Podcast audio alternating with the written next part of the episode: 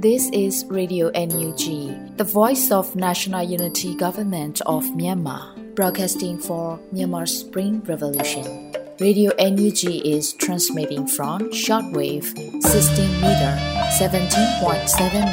MHz at 8:30 a.m. and 25 meter 11.94 MHz at 8:30 p.m. Myanmar Standard Time. မင်္ဂလာပါရှင်။ မြို့သားညီညွတ်ရေးအစိုးရရဲ့အတန်လှဌာန Radio NUG ကိုမနက်ပိုင်း၈နာရီခွဲမှာလိုင်းတူ16မီတာ19.89 MHz ညပိုင်း၈နာရီခွဲမှာလိုင်းတူ25မီတာ17.6 MHz တို့မှာဓာတ်ရိုက်ဖမ်းယူနိုင်စေနိုင်ပါရှင်။မင်္ဂလာအပေါင်းနဲ့ပြည့်စုံကြပါစေ။အခုချိန်ကစပြီး Radio NUG အစီအစဉ်လေးကိုဓာတ်ရိုက်အတန်လွှင့်ပေးနေပါပြီရှင်။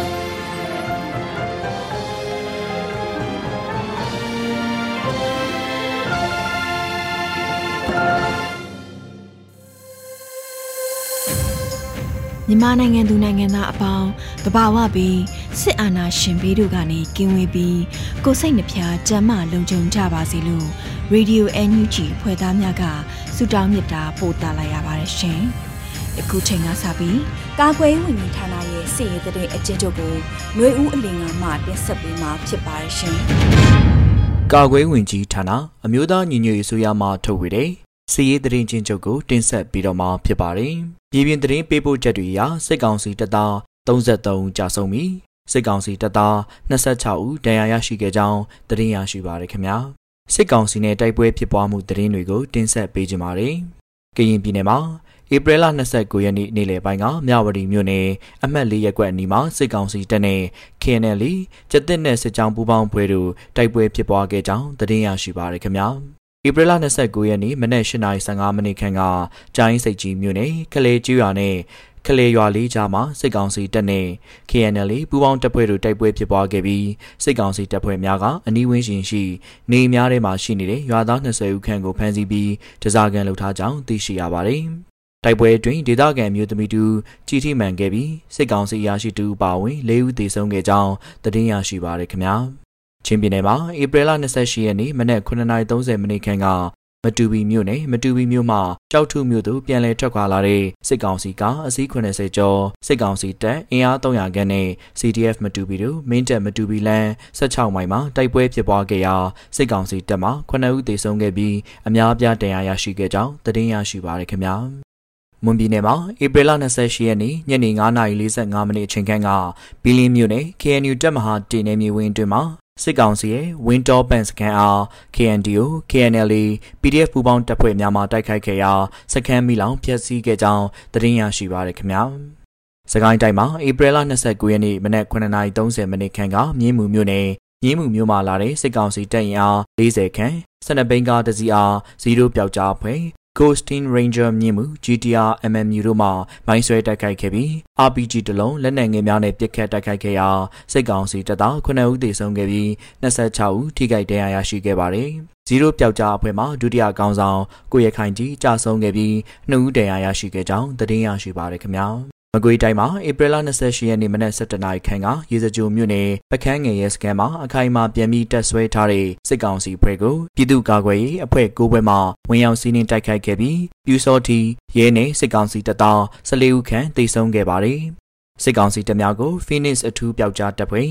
29 Revolution Force မြင်းကြံခရိုင်တရင်အမှတ်3 MSPDF Brothers Revolution Force ညောင်မြို့နယ်ကျွရတပ်ပေါင်းစုတိတ်ငက်ပြောက်ကြားတပ်ဖွဲ့သွေးတောက် Revolution Force ဒေါင်းညီနောင်ဖွဲ့များမှဝင်ရောက်တိုက်ခိုက်ခဲ့ခြင်းဖြစ်ပါတယ်။မန္တလေးတိုင်းမှာဧပြီလ28ရက်နေ့ကကြောက်ပတောင်းမြို့နယ်ရှိအင်းဝဘန်ရှိမှာအဆောင်ချထားတဲ့စစ်ကောင်စီများအားကြောက်ပတောင်းမြို့နယ်လုံးဆိုင်ရာကာကွယ်ရေးတပ်ဖွဲ့ KDF အဖွဲ့မှဘုံပြစ်တိုက်ခိုက်ခဲ့ရာမိမိတို့ဘက်မှပြစ်လိုက်တဲ့ဘုံအားပြန်ကောက်ရေးပြည်ရင်စူးစမ်းခဲ့တဲ့စစ်ကောင်စီတပ်သားတဦးသေဆုံးခဲ့ပြီးချန်လက်နယ်များအားပြေးယူတဲ့စစ်ကောင်စီများအပြင်းထန်ထိခိုက်ဒဏ်ရာရရှိခဲ့ပါတယ်။စစ်ကောင်စီများဘက်မှပြန်လည်ပစ်ခတ်မှုများရှိခဲ့တော့လေပြည်သူ့ကာကွယ်ရေးဘော်များအောင်မြင်စွာဆုတ်ခွာလာနိုင်ခဲ့ကြောင်းသတင်းရရှိပါရခင်ဗျာ ဆက်လက်ပြီးစစ်ကောင်စီကကျူးလွန်တဲ့ရာဇဝမှုတွေကိုတင်ဆက်ပေးကြပါမယ်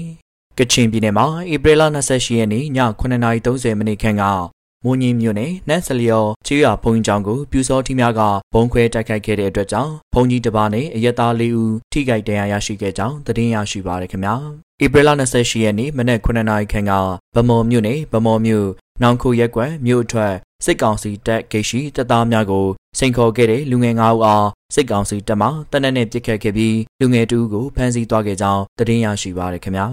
ကရင်ပြည်နယ်မှာဧပြီလ29ရက်နေ့မနက်9:00နာရီခန့်ကကြိုင်းစိတ်ကြီးမြို့နယ်ဒဂွန်တိုင်းကျေးရွာရဲစခန်းအတွင်းရှိအကြမ်းဖက်စစ်ကောင်စီအုပ်စုများကခေကျွော်အတွင်းသို့ဝင်ရောက်ခဲ့ပြီးပြည်သူများအားအကြောင်းမဲ့ဖမ်းဆီးကလက်နောက်ပြန်ကျိုးချပြီးဖမ်းဆီးခေါ်ဆောင်သွားခဲ့ပါတယ်။အိမ်တွင်းမှာပုံနေတဲ့ပြည်သူများအားလာရောက်ဖမ်းဆီးမခံပါကနေအိမ်များကိုမိရှို့မိဖြစ်ကြောင်းတင်းချောက်မှုများပြုလုပ်ခဲ့ကြောင်းသတင်းရရှိပါရခင်ဗျာ။ချင်းပြည်နယ်မှာဧပြီလ28ရက်နေ့က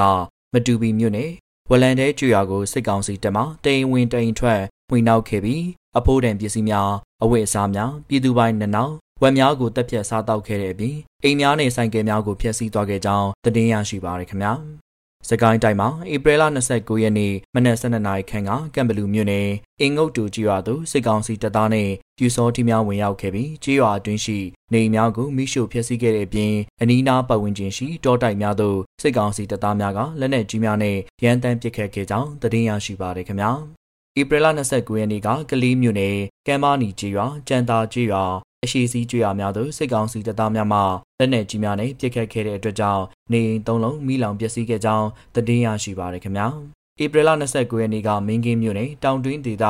ကြော်ကြီးရွာကြောက်တန်းကျွော်ရှိစစ်ကောင်စီတပ်ရင်အား90ခန်းကပြားသုံးကျွော်စစ်ပေးရှောင်စခန်း10ခုကိုမိရှုဖျက်ဆီးခဲ့ကြောင်းသတင်းရရှိပါရခင်ဗျာ။ ဧပြီလ29ရက်နေ့ကမြင်းမှုမြို့နယ်ကန်တော်ကြီးရွာကိုစစ်ကောင်စီတပ်သားများစစ်ကြောင်းနှစ်ကြောင်းနဲ့ဝင်ရောက်ခဲ့ပြီးလူနေအိမ်600လုံးအားလေးနေရာခွဲပြီးမိရှို့ဖျက်ဆီးခဲ့ပါတယ်။စစ်ကောင်စီတပ်ရဲ့အကြမ်းဖက်လုပ်ရများကြောင့်ဘေးပတ်ဝန်းကျင်ရွာများဖြစ်တဲ့ခွက်ခွင်းကြီးရွာ၊ထိန်ကန်ကြီးရွာ၊စက်ပြချင်းကြီးရွာ၊ငားကင်းတောင်ကြီးရွာ၊ငကင်းမြောက်ကြီးရွာ၊ငကင်းရွာမှကြီးရွာတို့မှာပြည်သူများစစ်ဘေးတိမ်းရှောင်နေရကြောင်းသတင်းရရှိပါရခင်ဗျာ။ဧပြီလ29ရက်နေ့မနက်9:00နာရီခန့်က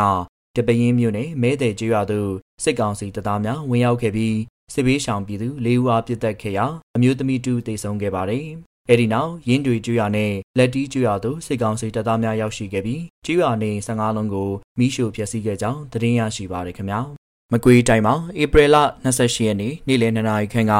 မြိုင်မြို့နယ်စိုင်းကောင်ရွာကိုစစ်ကောင်စီတပ်များဖြစ်တဲ့တာမခ100တင်နဲ့ပြူစောထီများကလက်နက်ကြီးများနဲ့ပစ်ခတ်ခဲ့တဲ့အတွက် လူနေတလုံးနဲ့ကြက်ချံလေးချံကိုလည်းမိရှို့ဖျက်ဆီးခဲ့ကြောင်းသတင်းရရှိပါရခင်ဗျာရှန်ကုန်တိုင်းမှာဧပြီလ28ရက်နေ့ကညနေပိုင်းမှာရန်ကုန်ရှေ့ပိုင်းတက္ကသိုလ်ကျောင်းသားများတမကရာယာတက္ကတာအဖွဲ့ဝင် ကော်မတီတာဝန်ခံဖြစ်သူကိုကောင်းခန့်နိုင်အပါဝင် လူငယ်လေးဦးကိုစစ်ကောင်စီတပ်ဖွဲ့များမှအာရမဖမ်းဆီးခေါ်ဆောင်သွားခဲ့ကြောင်းသတင်းရရှိပါရခင်ဗျာတနင်္လာရီတိုင်းမှာဧပြီလ28ရက်နေ့နေ့လယ်9:30မိနစ်ခန့်ကလောင်းလုံမြို့နယ် ပန်တလေးကျွာမှာစစ်ကောင်စီတပ်သားများနဲ့ပြူစောတိအဖွဲ့ဝင်များကအပြစ်မဲ့ပြည်သူနေများတွင်ထိအကြမ်းဖက်ဝင်ရောက်ပစ်ခတ်ခဲ့တဲ့အတွက်ကြောင့်အပြစ်မဲ့ပြည်သူဥဖေမွန်ဥကျော်ထွင်းနဲ့ဥဖေတန်းတို့၃ဦးသေဆုံးခဲ့ကြောင်းသတင်းရရှိပါရခင်ဗျာ AR တိုင်းမှာဧပြီလ28ရက်နေ့ည10:00နာရီခန့်ကမူဝင်းမြို့နယ်အမတ်စနစ်ရက်ကွက်မှာနေထိုင်တဲ့အသက်14နှစ်အရွယ်ရှစ်တန်းကျောင်းသားမောင်ရဲထက်ကူစစ်ကောင်စီတပ်သားအင်အားများပြားနဲ့နေအိမ်သို့ဝင်ရောက်ဖမ်းဆီးသွားခဲ့ကြောင်းသတင်းရရှိပါရခင်ဗျာယခုတင်ဆက်သွားတဲ့သတင်းတွေကိုမြေပြင်သတင်းတာဝန်ခံများနဲ့သတင်းဌာနတွေမှာပေါ်ပြလာတဲ့အချက်အလက်တွေပေါ်အခြေခံပြုစုထားခြင်းဖြစ်ပါတယ်ကျွန်တော်ကတော့ຫນွေဦးလင်ပါ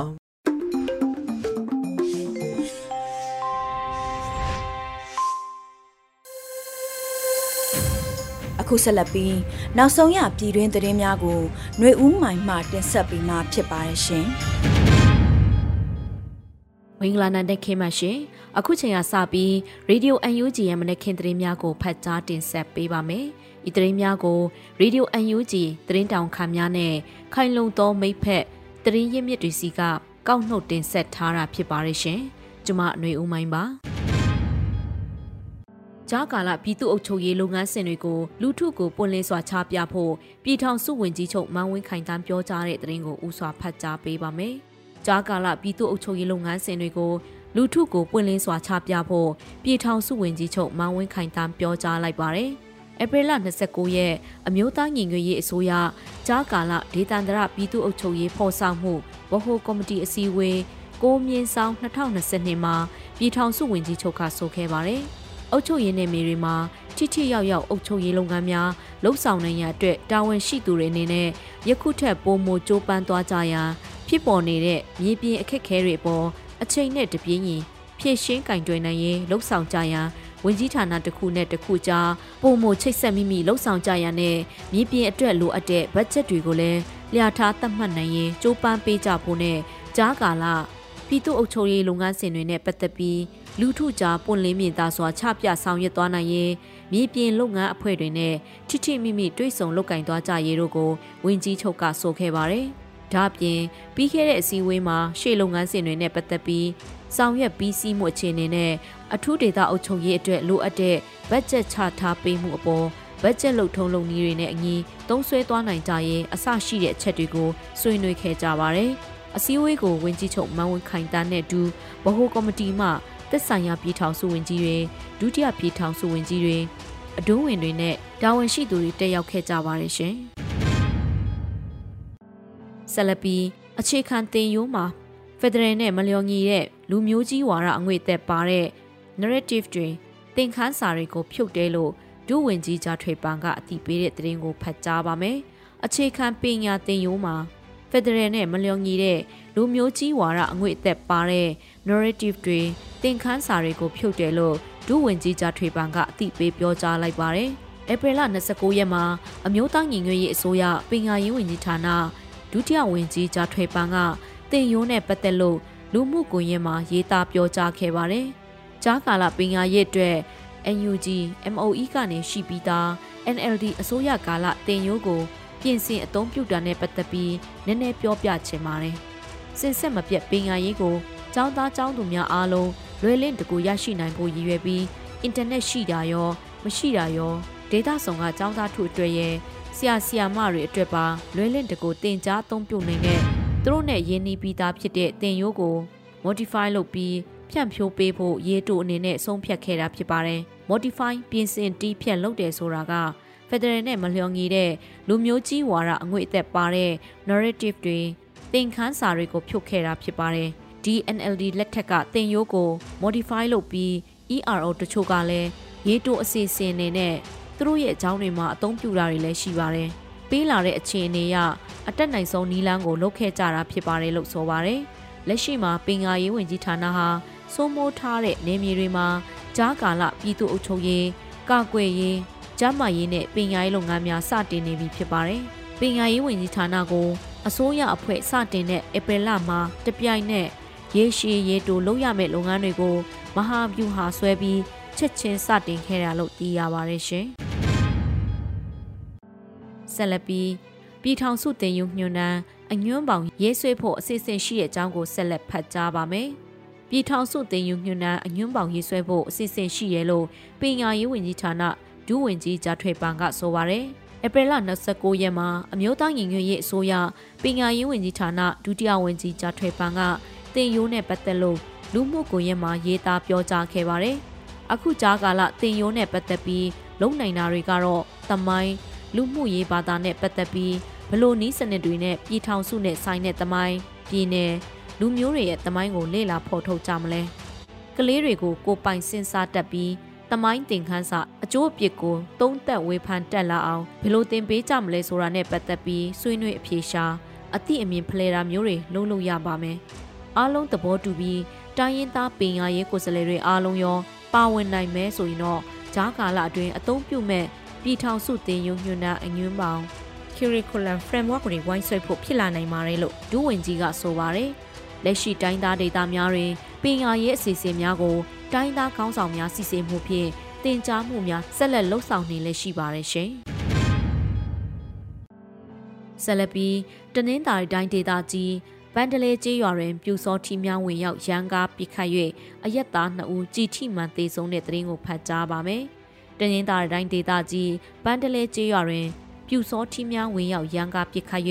အရက်သား2ဦးကြည်ထိမှတေဆုံးခဲ့ပါတယ်။ဧပြီလ29ရက်မှာနိုင်ငံရေးအကျဉ်းသားဟောင်းများကုညီဆောင်ရှောက်ရေးအသင်း AAPP ကဆိုပါတယ်။ဧပြီလ28ရက်နေ့နနက်ပိုင်းတွင်တနင်္သာရီတိုင်းဒေသကြီးလောင်းလုံးမြို့နယ်ပန်တလဲကျေးရွာတွင် ပြူစောထီအဖွဲ့ဝင် အမျိုးသမီးတဦးတပ်ဖြတ်ခြင်းခံခဲ့ရပြီးနောက်ထိုနေ့ည9နာရီခွဲအချိန်ခန့်တွင် ပြူစောတိအဖွဲ့ဝင်များမှ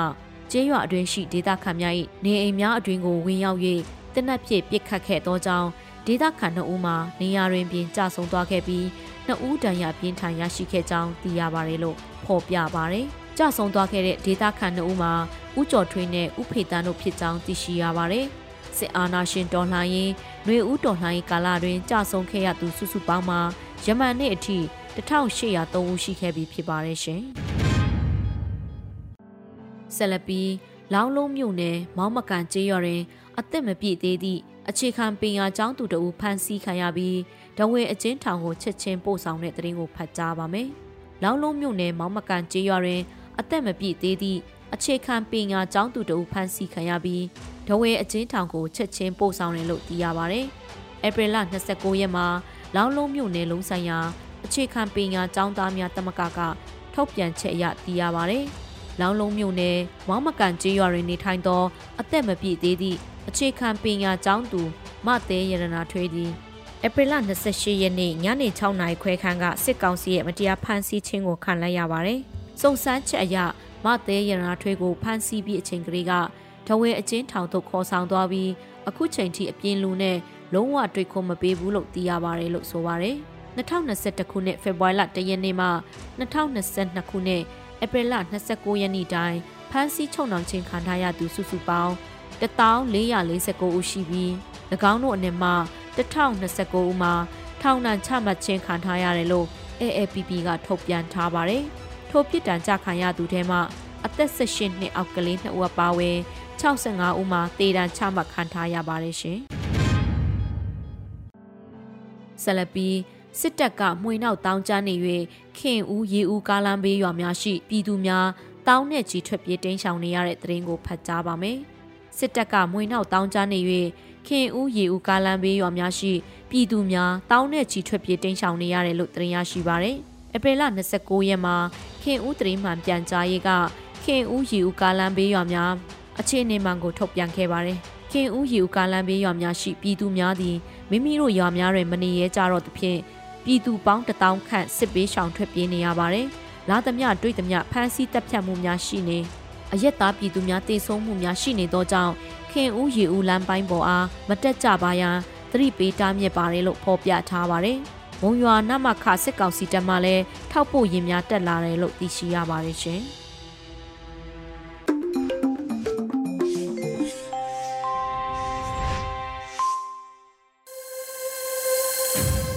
Radio NUG မှဆက်လက်အသံလွှင့်နေပါတယ်။အခုဆက်လက်ပြီးနေ့စဉ်သတင်းများကိုမျိုးတော်တာမှတင်ဆက်ပေးမှာဖြစ်ပါတယ်ရှင်။ ပထမဆုံးတင်ဆက်ပေးမှာကတော့ကလေးတိုက်ပွဲအတွင်းသေဆုံးခဲ့တဲ့အကြမ်းဖက်စိတ်ကောင်စီတပ်သားတွေနဲ့အတူ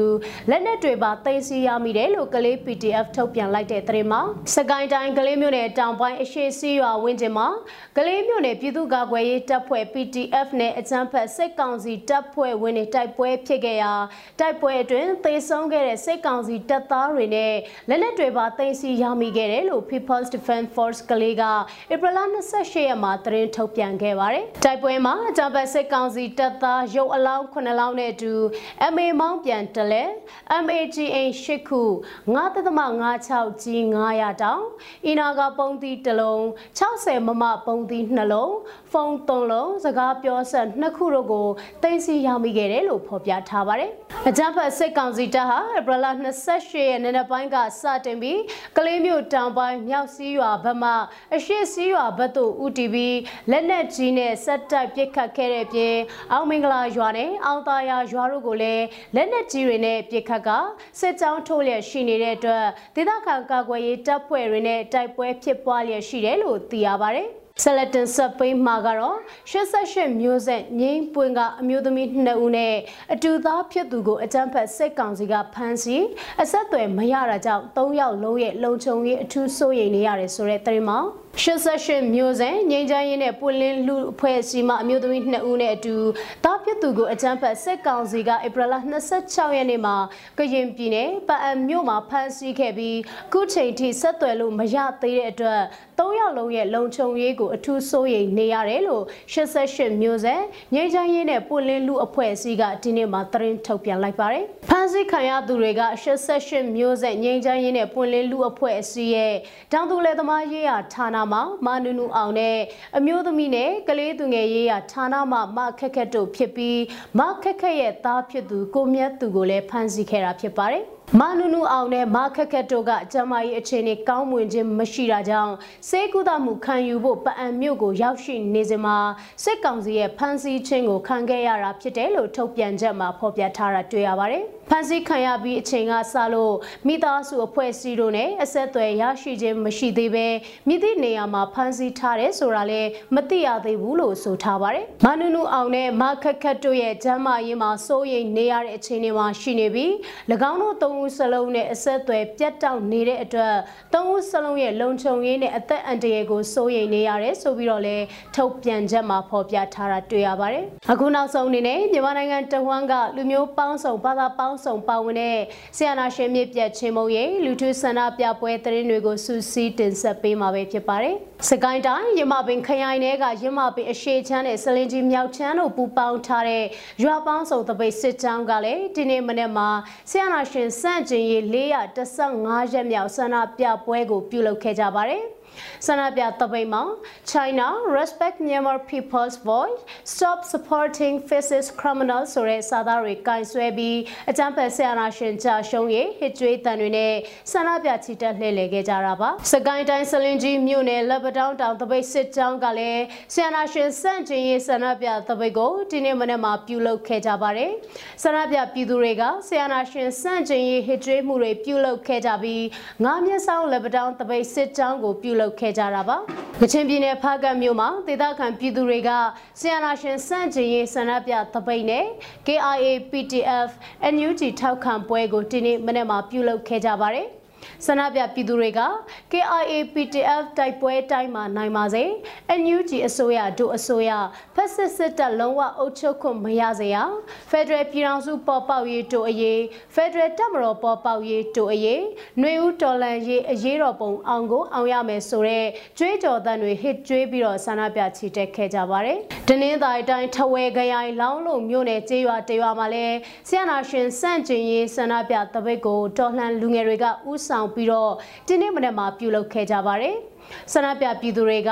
ဆီယနာရှင်စနစ်မုတ်ချကြဆုံးရမည်ဆိုတဲ့စာသားတွေကင်ဆောင်ပြီးတော့ချီတက်လှည့်လည်ခဲ့ကြတာပါ။ကျေးဇူးတင်ပါတယ်ရှင်။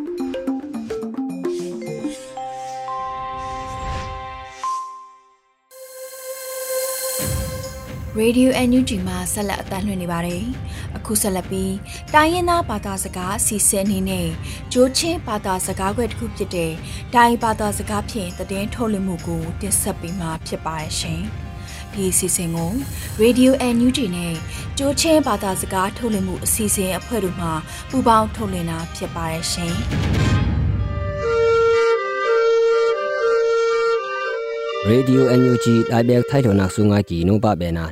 วนี้ตุงไอขกุมทองให้กุนำกูยังหินเพชราอคมนุบทุมกิบล้อมนุบขึ้นสุมาตุมหงยากาทางเอสุนกีดาชลายนอกันิยามเทลกขยากากีอักษกามบาตัวคือมินตัดดาโลเบกยาเซซายากังตุนสุน CTF บาตูนอยากาบุลุเซซาคือทิกีเตียทังอังหินากา CNO CNTF สุน CG TC ดังปุยลูเซซาปุอังดุยนักตุงเงยาตุกไวอันิตีเตียทัง อักทุมนากามากุยขอปุงดอมสุงอคือตุงที่ไข่กุมหลอกกีเซซาเขจุน YTF นอยากับอุลุเซซาครุกที่ลงฮีเลกิเตียทังอักคุนากา NUG ปอยาดูคือเบงไทยอีนี้ติดูมาเลเซียเป้อุงไว้นอ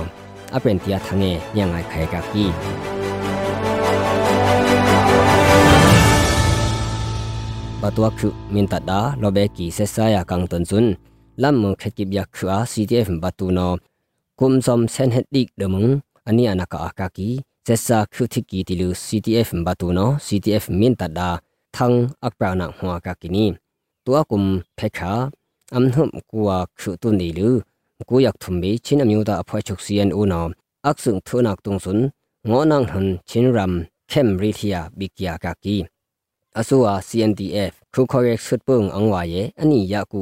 ဆက်ဆာယာ ကန်တွန်စွန်လမ်မခက်ကိဗျာခါ CTF ဘတ်တူနော kum som sen het dik demung ani anaka akaki zesa khuthi ki tilu CTF batu no CTF min ta da thang akpra na hwa ka kini tua kum phekha am hum kuwa khu tu ni lu ku yak thum be chin amyu da aphwa chuk cn u no ak sung thunak tung sun ngo nang hun chin ram khem ri thia bikya ka ki asua cndf khu khorek sut pung angwa ye ani ya ku ekye ctm wa kye ya ak them wa ye pukya angdona phang hi lokya ka ki thonak su kumat umong ya bi lo po pe ne ngui hun ya sumang ye malamam thui lu khut bi wa ye sun thonak ye ka ki chin amyo ta phoi chuk cn o wa ngri thonak thum ning ye phi yam kham ta ki ka ki se sam sui adut wai federal democracy yung thu ko ki up thim nak sun c NOCNTF ya umnak hun pe ya bi lo wai thum ning ye yam khak ye ka ki khu kho ye sung bo tha dum lo wa ya CGTC yung pui lu CTF ye yung pui lu khut bi wai khu kho ndui be yang CTM ba ki ye lu atunga khut bi lu CTM ku wa ki ye sun asi de na yam sim soi wai CNO CNTF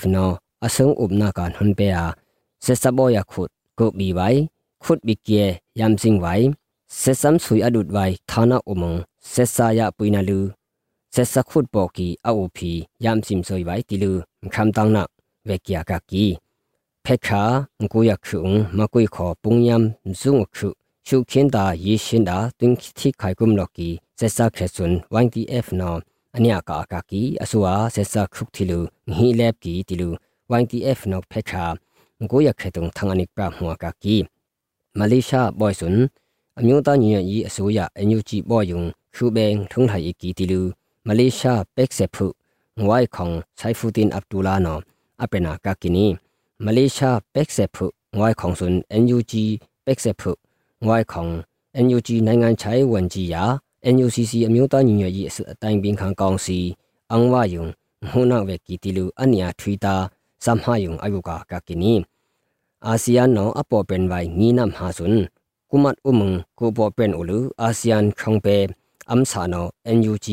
ปุยนาไวตุนอีลอกเกียกากีบาเปียเวโซสัญญาณอดุดไวพีหานาลอกเกียกากีทอกอุมากุเกียยาบุกเต็มซุมซิกีอีอีพีปียาสลังเซซานอ